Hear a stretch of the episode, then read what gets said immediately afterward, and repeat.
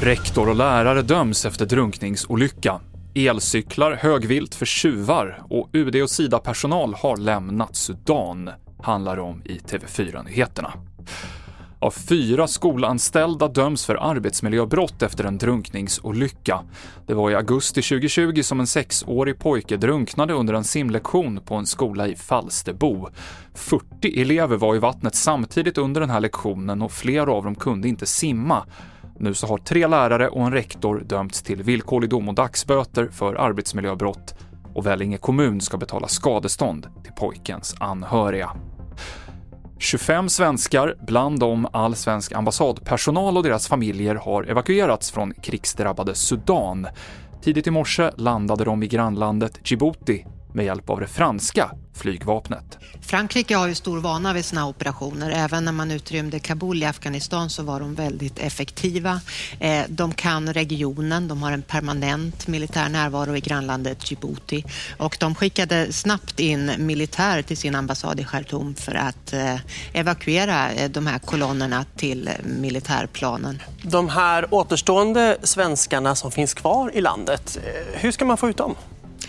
Ja, eh, det är komplicerat. De har ju en tuff situation nu. Det är brist på mat, vatten, kommunikationer fungerar dåligt och det gäller ju för de här personerna att till att börja med att ta sig till mötesplatserna för att kunna följa med en evakueringstransport. Sa vår utrikeskommentator Elisabeth Frerot.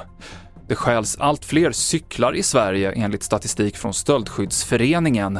Under årets första månader ökade stölderna med 8% jämfört med samma period förra året. Över 7000 cyklar och cykeldelar stals i januari och februari och det är framförallt elcyklar och deras batterier som tjuvarna tycks vara ute efter.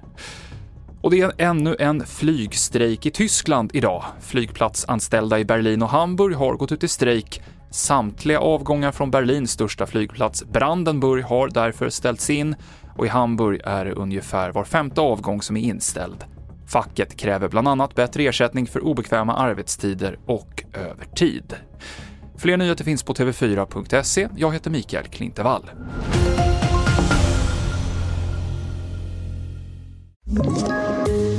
Poddtips från Podplay.